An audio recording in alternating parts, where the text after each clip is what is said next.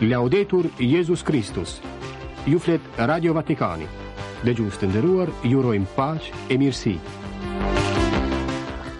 Në fillim të programit të 25 shkurtit, argumentet kryesore Papa Françesku kremtoi sot Engjëllin e Tënzot pas një jave që e kaloi në ushtrimet shpirtërore së bashku me bashkëpunëtorët e tij të Kuries Romake. Gjatë gjithë javës së kaluar predikatari i shtëpisë papnore, kardinali Raniero Cantalamessa mbajti një meditim të përditshëm prej një minuti për mediat e Vatikanit. Sot meditimi i tij i fundit. Dje u mbushën dy vjet nga fillimi i konfliktit në Ukrainë. Në mikrofonin tonë kryeipeshkvi i madh i Kiev Haliç Bën thirrje mos na harroni, solidariteti shpëton jetë. Rubrika jonë të meditojmë me ungjillin e së dielës së dytë të kreshmëve. Shenjtorët e javës nga 25 shkurti deri më 3 mars. Një përshëndetje e përzemërt nga redaksia e Gjuhës Shqipe. Në mikrofon Klaudia Bumçi e Katerina Nushi. Nga aktiviteti i Papës dhe i Vatikanit.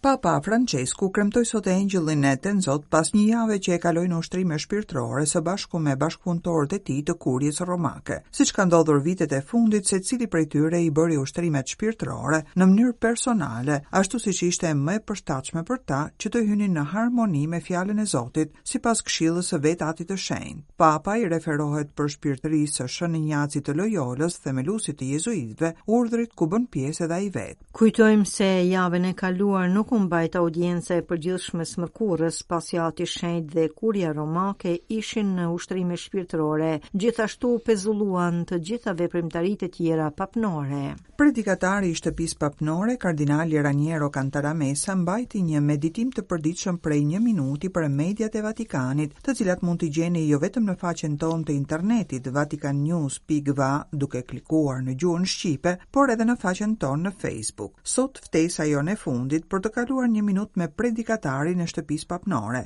ftesë për të ndenjur me Krishtin që në vijim të udhës pendestare kreshmore na thërret e na thotë ju jeni miqtë e mi. Fjala që ju drejtoj sot për ta thithur është e ëmbël si mjalti. Jam i kënaqur të përfundoj me të, pohon në meditimin e tij kardinali Cantalamessa, sepse shpresoj do të vazhdojë të jehojë brenda jush për një kohë të gjatë. Jezusi ua drejtoi këtë fjalë dishepujve të vet në çastin kur po ndahej prej tyre, por si çdo fjalë e Krishtit, u menua për secilin, për dishepullin e çdo vendi e çdo kohe. Voi siete miei amici. Ju jeni miqtë e mi. Nuk ju thërras më shërbëtorë, sepse shërbëtori nuk e di çka bën zotëria i tij. Unë ju quajta miq, mbasi ju zbulova gjithçka që dëgjova prej Atit tim. Ju jeni miqtë e mi.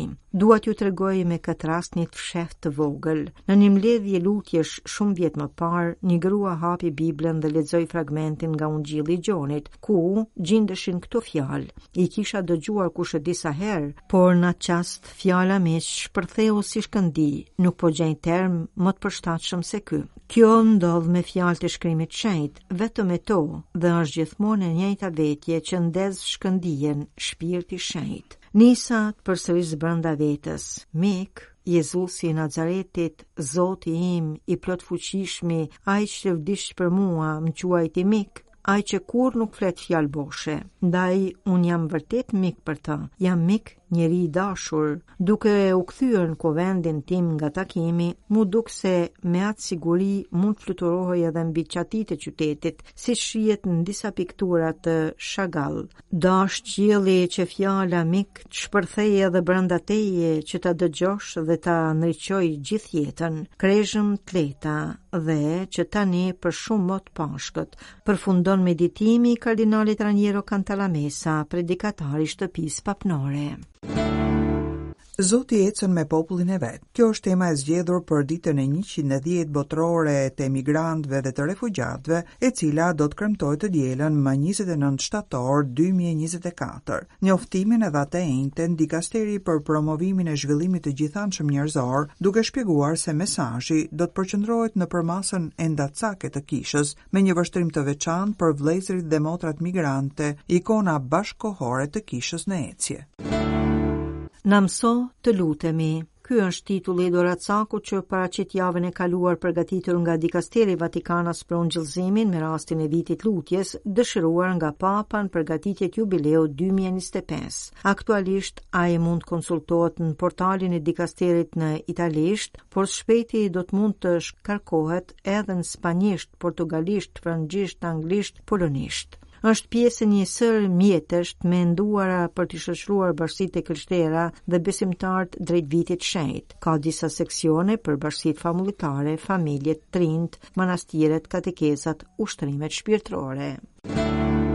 Papa Françesku emëron katër anëtarë të rinj në Këshillin e Seksionit për Marrëdhëniet me Shtetet dhe Organizatat Ndërkombëtare. të Sekretarisë së Shtetit të Vatikanit, pra në të ashtuquajturin seksioni i dytë, drejtuar nga kryeipeshkvi Paul Richard Gallagher. Anëtarët e rinj janë kardinajt Luis Antonio Tagle, proprefekt i dikasterit për ungjillëzimin në seksionin për ungjillëzimin e parë dhe kishat e reja të veçanta, Mikael Çerni, prefekt i dikasterit për promovimin e zhvillimit të gjithanshëm njerëzor, Claudio Gugerotti, prefekt i dikasterit për kishat lindore. Gjithashtu, Papa emëroi si anëtar atë Xhulio Albanesen, drejtor i Zyrës për Komunikimet Shoqërore dhe të Zyrës për Bashkëpunimin Misionar ndërmjet Kishave të Vikariatit të Romës. Javë e rëndësishme ajo e kaluara për Kishën Katolike në Shqipëri. Në asamblenë e saj të 70, Konferenca Ipeshkvnore e Shqipërisë zgjodhi si kryetar të saj ipeshkvin e dioqezës së Rrëshenit, imzot Gjergj Meta, i cili zëvendëson kryeipeshkvin metropolit të Shkodër-Pultit, imzot Angelo Masafrën. Gjithashtu imzot Simon Kulli, ipeshkëv i dioqezës së Sapës, u zgjodh zëvendëskryetar i Konferencës Ipeshkvnore të Shqipërisë, ndërsa imzot Giovanni Peragine, administratori apostolik i Jugut, u zgjodh sekretar i përgjithshëm i saj.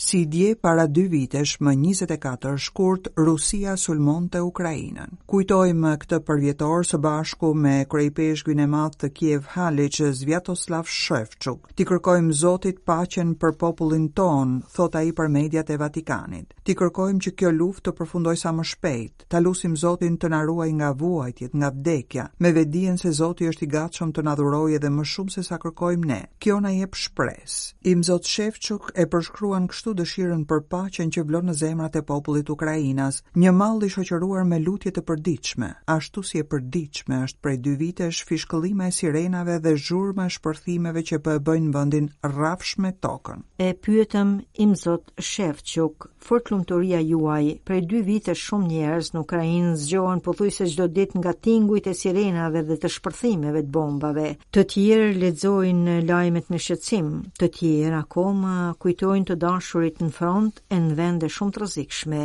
E mendimet tuaja, ku shkojnë kur zgjoheni e cilat janë lutjet tuaja të para? La prima preghiera di mattina con la quale mi sveglio è la preghiera di ringraziamento. Lutja e parë e mëngjesit kur zgjohem është ajo e falënderimit, sepse me të vërtetë çdo mëngjes kur zgjohesh i gjallë, ke një arsye të thellë për ta falënderuar Zotin për dhuratën e ditës së re, dhuratën e jetës që duhet të shndërrosh në dhurimin e vetvetes Zotit, kishës, njerëzve të tu. Në fund të fundit unë e gjej kuptimin e kësaj lutjeje falënderimi në këto fjalë të Izaisë profet. Ndërsa ti vijon të flasësh, unë të përgjigjem, ja ku jam në ty.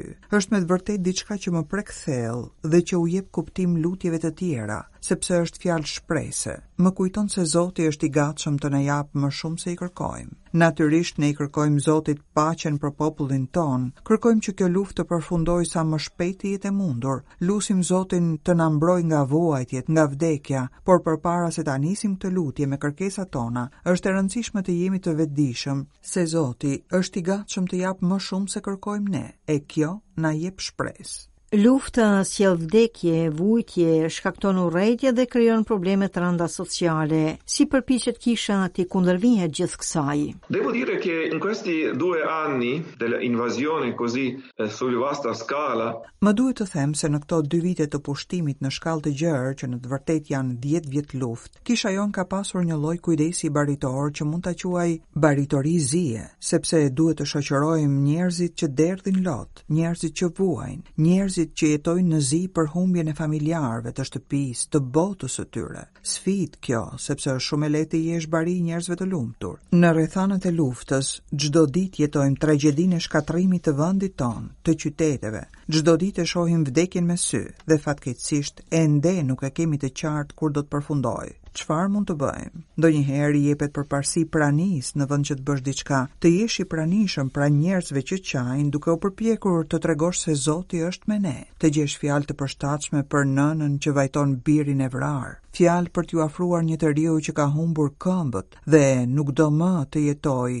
ose e një fëmije që pa me sytë e vet vdekjen e nënës. Ky kujdes baritor i mortit është sfidë, por është edhe kujdes baritor i shpresës, pasi shohim se feja e krishterë na bën thirrje të çojmë shpresën e ringjalljes në mes të zisë së njerëzve. Këto janë rrethanat e jetës sonë, jetës së kishës, dhe të shpalljes së ungjillit në këtë tragjedi të madhe të luftës në Ukrainë. Fortlumturia juaj, desha t'ju drejtoja edhe një pyetje jo të lehtë. Nga e merrni forcën ju personalisht, priftërinjtë, rregulltarët për t'i shoqëruar njerëzit në këtë periudhë të errët? Devo confessare sinceramente che è un mistero.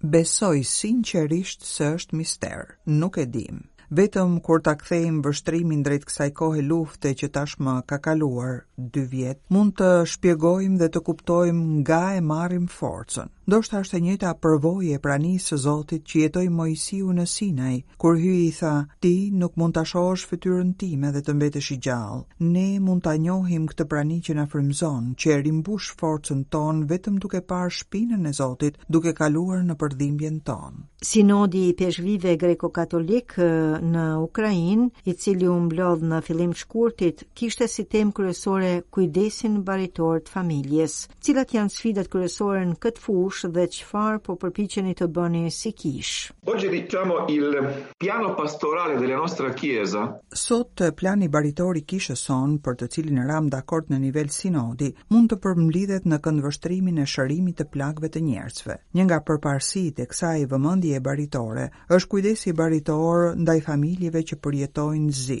Është e rëndësishme të kuptojmë se si t'i shoqërojmë familjet dhe ne kemi bërë një analizë të thellë të situatës së jetës së familjes ukrainase. Para së gjithash kuptuam se shumica e familjeve fatkeqësisht jetojnë në një situatë ndarjeje të detyruar. Shumica e burrave sot luftojnë. Kjo do të thotë se këto familje jetojnë pa praninë e përditshme të babait. Pastaj kemi emigrim masiv. Rreth 14 milionë ukrainas janë detyruar të braktisin shtëpitë. Por tani kemi katër sfida të reja për kujdesin baritor të familjes. Para së gjithash kemi familje që kanë humbur një të afërm, Familje të reja për shembull, një grua e re që ka humbur burrin dhe nuk mund t'u shpjegojë fëmijëve të saj se kur do t'u kthehet i ati. Këto vejusha të reja në Ukrainë sot quhen tulipanët e zinj. Është me të vërtetë një tragjedi dhe ne duhet t'i shoqërojmë këto familje. Tragjedia tjetër është ajo e familjeve të të plagosurve rëndë në luftë. Nuk mund ta imagjinoni ferrin që kalojnë nëna dhe babai pa asnjë lajm për fëmijën e tyre, apo gruaja që jeton pa lajme për burrin e saj. Imagjinoni një grua njëzet e pesë vjeçare me dy fëmijë duke thënë, Unë nuk di si të lutem, sepse nuk e di nëse burri im është gjallë apo ka vdekur, jam e ve apo jo, si mund ta organizoj jetën. Kjo bëhet torturë sepse fëmija pyet çdo ditë, çdo mëngjes.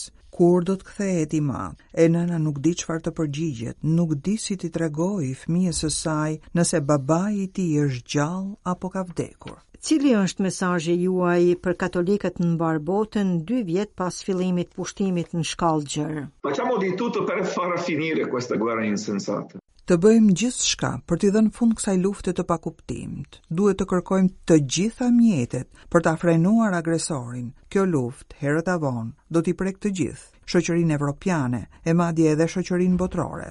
Mos e harroni Ukrainën, mos na braktisni në zi dhe dhimbje. Kjo thirrje e fundit gjatë intervistës së kryeipeshkvit të madh të Kiev Haliç, imzot Svjatosllav Shevçuk me mediat e Vatikanit. Të meditojmë me ungjillin e së dielës.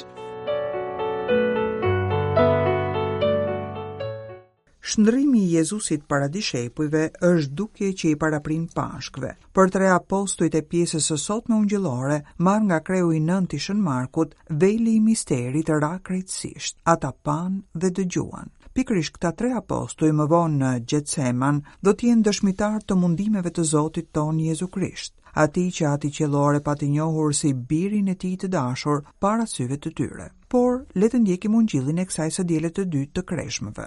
Në atë kohë, Jezusi i mori me vete Pjetrin, Jakobin e Gjonin dhe i çoi vetëm ata në vetmi në një mal të lartë dhe u shndërrua para tyre. Petkat e tija u bënë ndriçuese të bardha, saqë asnjë zbardhues mbi tokë nuk mund t'i zbardhojë ashtu. Atyre iu dukën Elia me Moisiun e po bisedonin me Jezusin. Pjetri atëherë mori fjalën e i tha Jezusit, Rabi, Mësues, për ne është mirë të qëndrojmë këtu.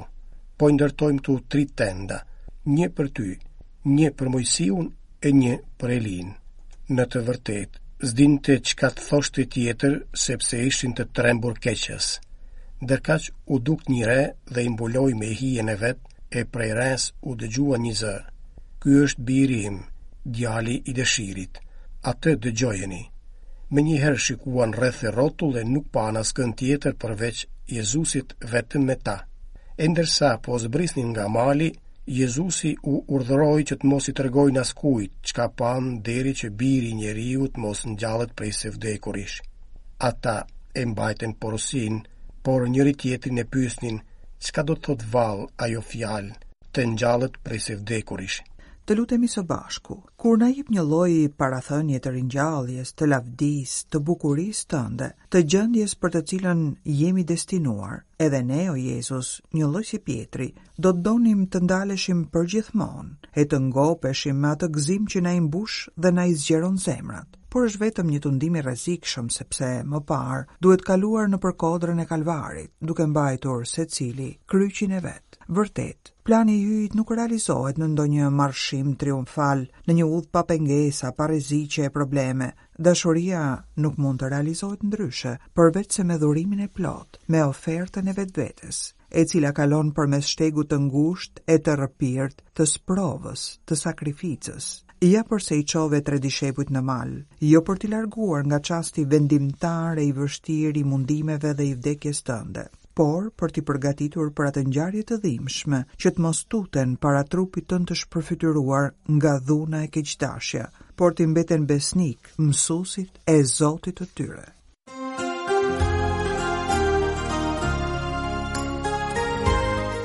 Shenjtorët e javës Sipas kalendarit kishtar Sot e diel 25 shkurt, kisha katolike kremton të dielën e dytë kohës së kreshmeve, ciklit B. E po sot, kalendari kishtar përkujton Shën Nestorin ipeshkëv të Magidosit e martir. Të hënën, më njëzet e gjashtë shkurt, kalendari kujton Shën Aleksandrin e Aleksandrisë dhe Shën Faustinianin ipeshkëv i Bolonjës. Të martën, më njëzet e shtatë shkurt, kalendari përkujton Shën Gregorin Narek, abat e doktor i kishës, Shën Gabrielin e Zojës së Dhimbshme, rregulltar pasionist, Shën Ana Lajn nga Londra, e ve e martire dhe shën Honorinën. Më 28 shkurt ditën e mërkurë përkujtohet Shën Romani, i lumi Daniel Brotje dhe i lumi Timote Trojanovski, meshtar franceskan konventual. Të enjten me 29 shkurt kalendari kishtar përkujton Shën Hilarin Papë e Shën Osvaldin. Ndërsa të premten më 1 mars përkujtohen Shën Feliçi Papë dhe Shën Albini ipeshkëv i Anxhit. Të shtunën me 2 mars, kalendari kishtar përkujton Shën Troadin, Shën Anxhelën e Kryqit virgjër. Më 3 mars, Kisha Katolike Romake do të kremtojë të dielën e tretë të kreshmeve. E gjithnjë po atë ditë, kalendari kujton shën Kunegondën, bashkëshorte e Enrikut të dytë perandor. E me kaq të nderuar dëgjues, përfundon programi ynë për sot. Ju falënderojmë për vëmendjen e mirë u dëgjofshim nesër në të njëjtën orë. Laudetur Jezus Kristus.